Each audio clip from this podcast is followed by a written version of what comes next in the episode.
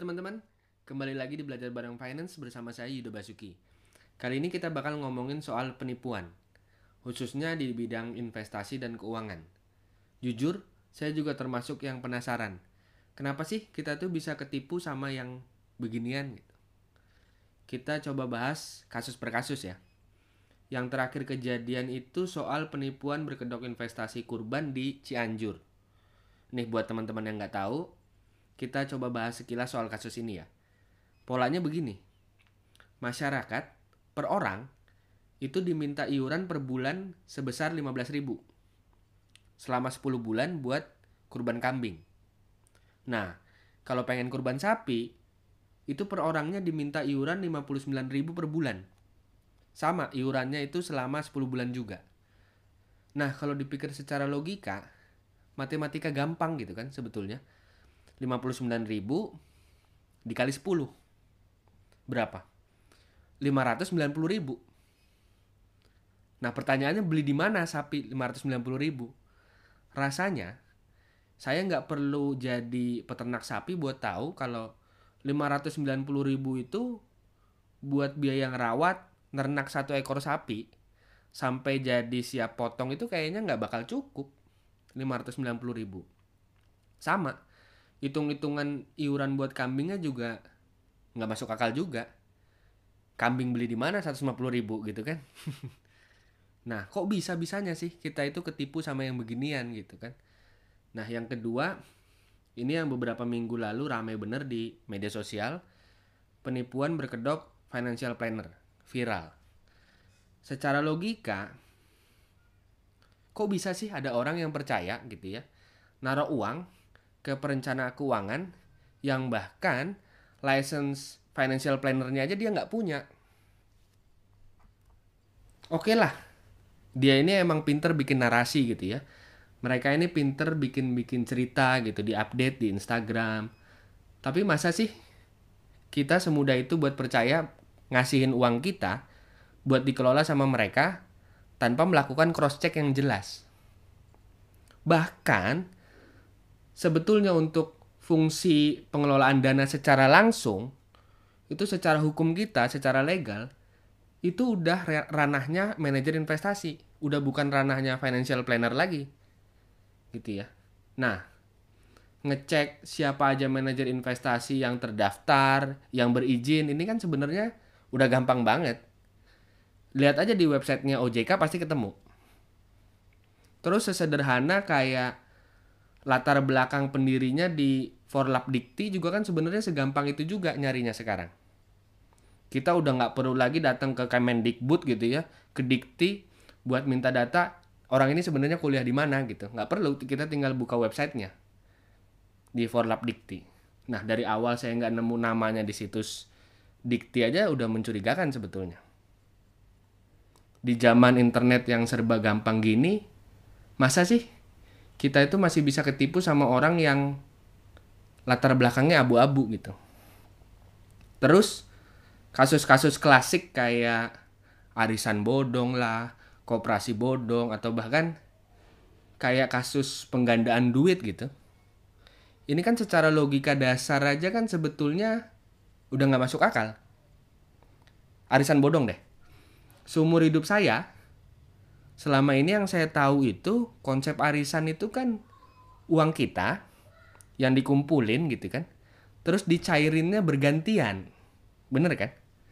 Kok bisa kasih imbal hasil lebih? Itu arisan. Dari mana sumber uangnya? Kan udah nggak masuk sebetulnya. Ini kan uang cuman dikumpulin terus dibagiin. Ini uang kan nggak dibikinin bisnis.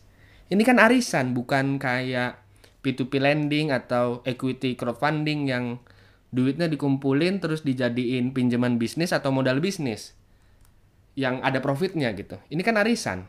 Nah, duit lebihnya itu dari mana? Asal duitnya itu dari mana gitu kan.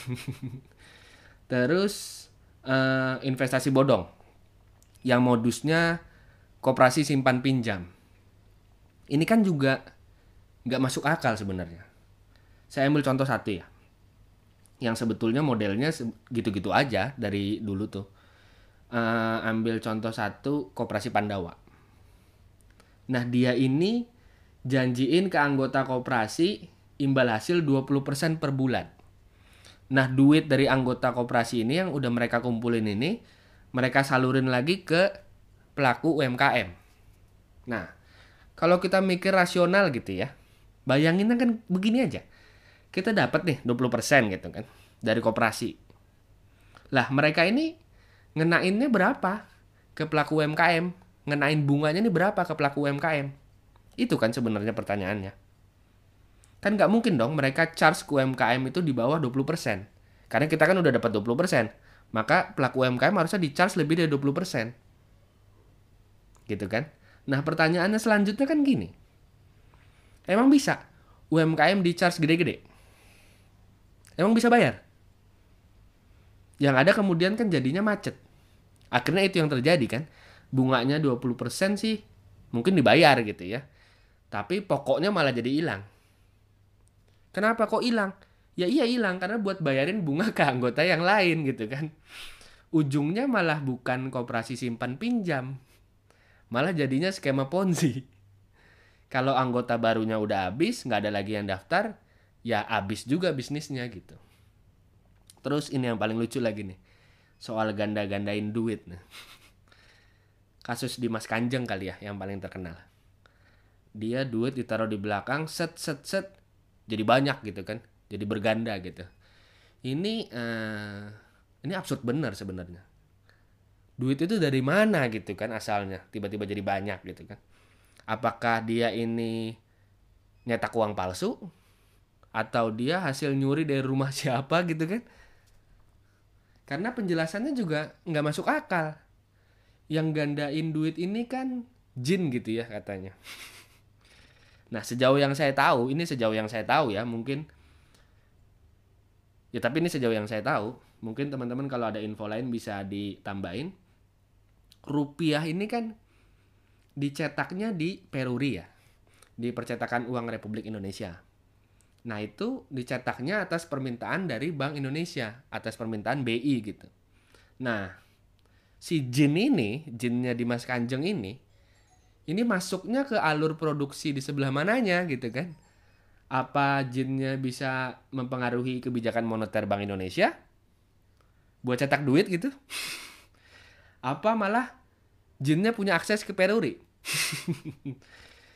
kan eh, penipuan-penipuan ini kan sebetulnya nggak masuk akal banget gitu kan kemudian kalau dibilang alasan ketipunya karena latar belakang pendidikan kita yang masih rendah, kok sebenarnya saya ragu juga buat bilang iya gitu ya.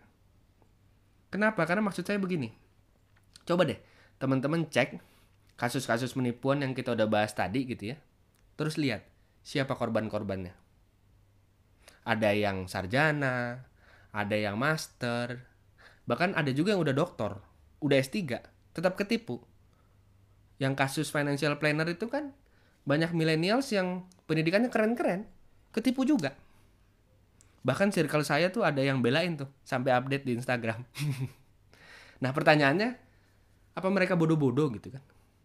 Saya rasa bukan. Saya rasa bukan karena itu kenapa mereka bisa ketipu.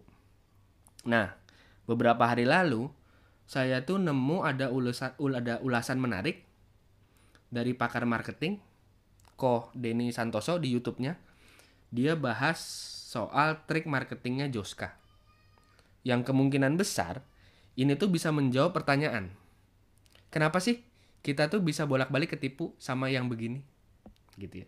Nah, kutipannya dari Ko Denny Santoso yang paling menarik adalah pembeli itu membeli memutuskan untuk membeli sebuah produk itu dengan otak kanannya. Ya, ini kalau ada meleset-meleset sedikit quote-nya mohon maaf ya kok ya ini kurang lebih lah jadi pembeli itu ketika dia membeli atau memutuskan untuk membeli itu dia membeli dengan otak kanan bukan dengan otak kiri jadi rasionalitas itu dikesampingkan ketika kita membeli sebuah produk impulsivitas kita ketika membeli produk itu lebih dipengaruhi kepada dream kita, kepada hope kita. Nah, singkatnya, Kita tuh beli sesuatu karena kepercayaan kita kalau barang itu punya value. Bukan karena kita udah cross check real value dari barang itu. Nah, kalau ini ini baru jadi masuk akal. Kenapa ada banyak dari kita yang tertipu sama financial planner itu misalnya? Ya karena dia pinter update cerita di Instagram. Nah dari situ timbul trust. Nah karena udah trust, ya kita udah nggak kepikiran lagi buat cek kredibilitas orang-orang di balik brand itu. Sebenarnya kredibel atau enggak gitu. Karena mereka kan juga update-nya itu seputar dream kita, seputar hope kita gitu ya. Nah, Begitu juga soal investasi binatang kurban. Kita tuh kan melihat kurban itu sebagai sebuah niat ibadah. Karena sudut pandangnya sudah dari sudut pandang tertinggi gitu ya, agama begitu ya. Kita jadi nggak mikir lagi apakah ini beneran apa enggak. Kita nggak kepikiran lagi kalau ini bakalan ditipu. Wong ini kan niatnya ibadah gitu kan.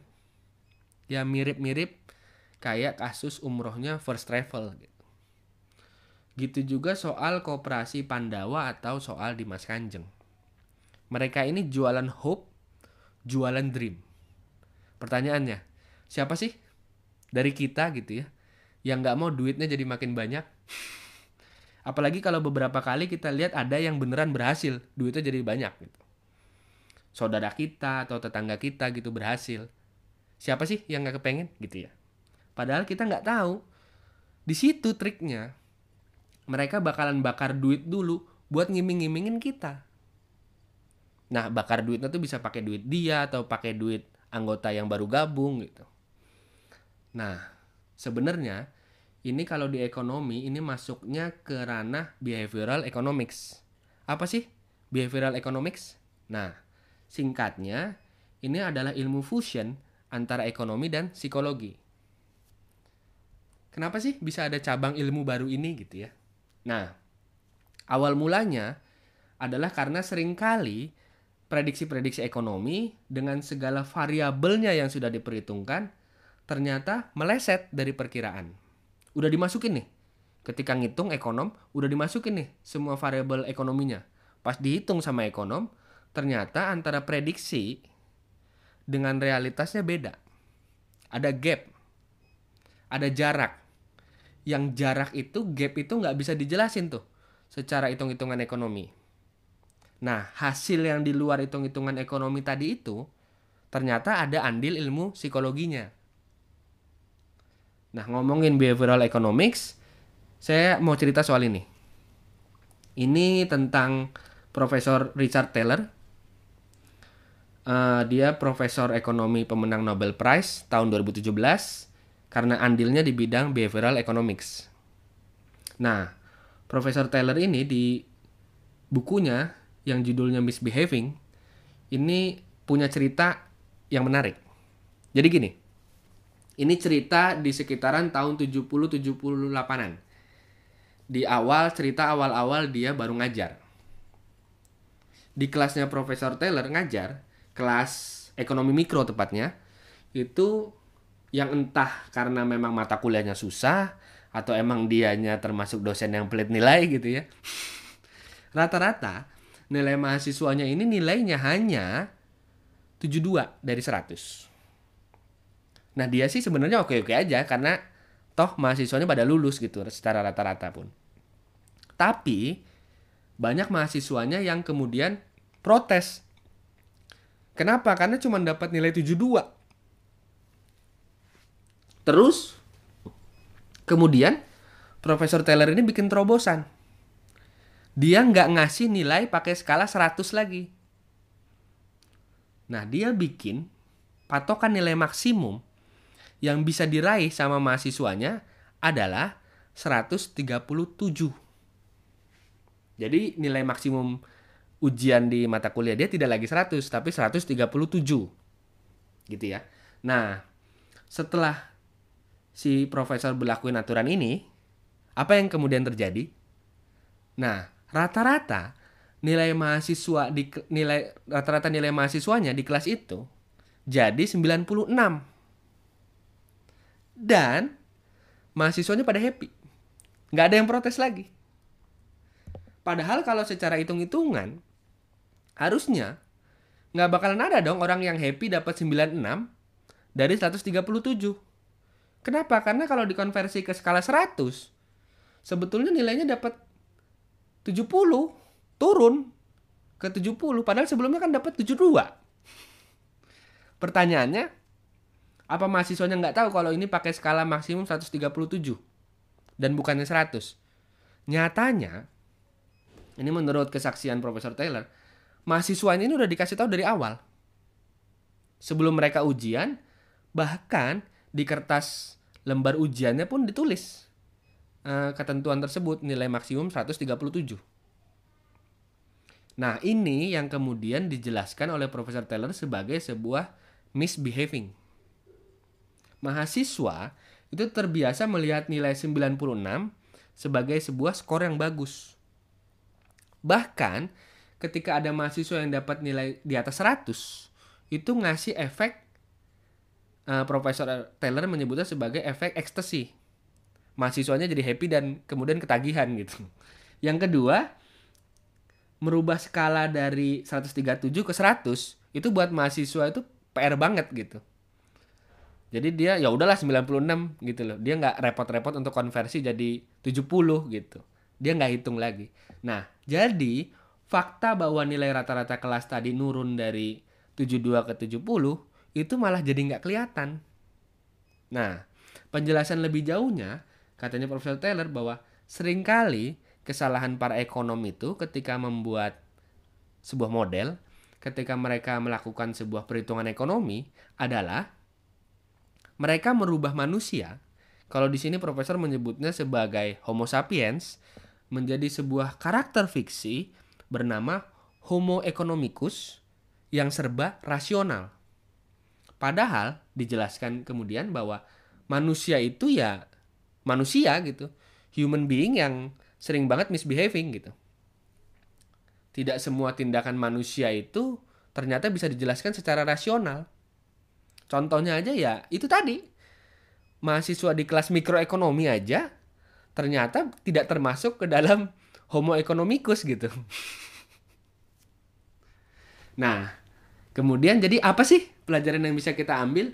Nah, kita boleh-boleh aja sih tertarik gitu ya sama packaging, sama kemasan, sama bungkus yang mungkin sesuai sama hope kita, sesuai sama dream kita, sama harapan dan mimpi kita gitu ya. Tapi ya sebisa mungkin jangan terlena-terlena banget lah jangan gampang percaya. Kritis lah sedikit. Sekian dulu podcast belajar bareng finance kali ini. Jangan lupa di follow dan di share ya.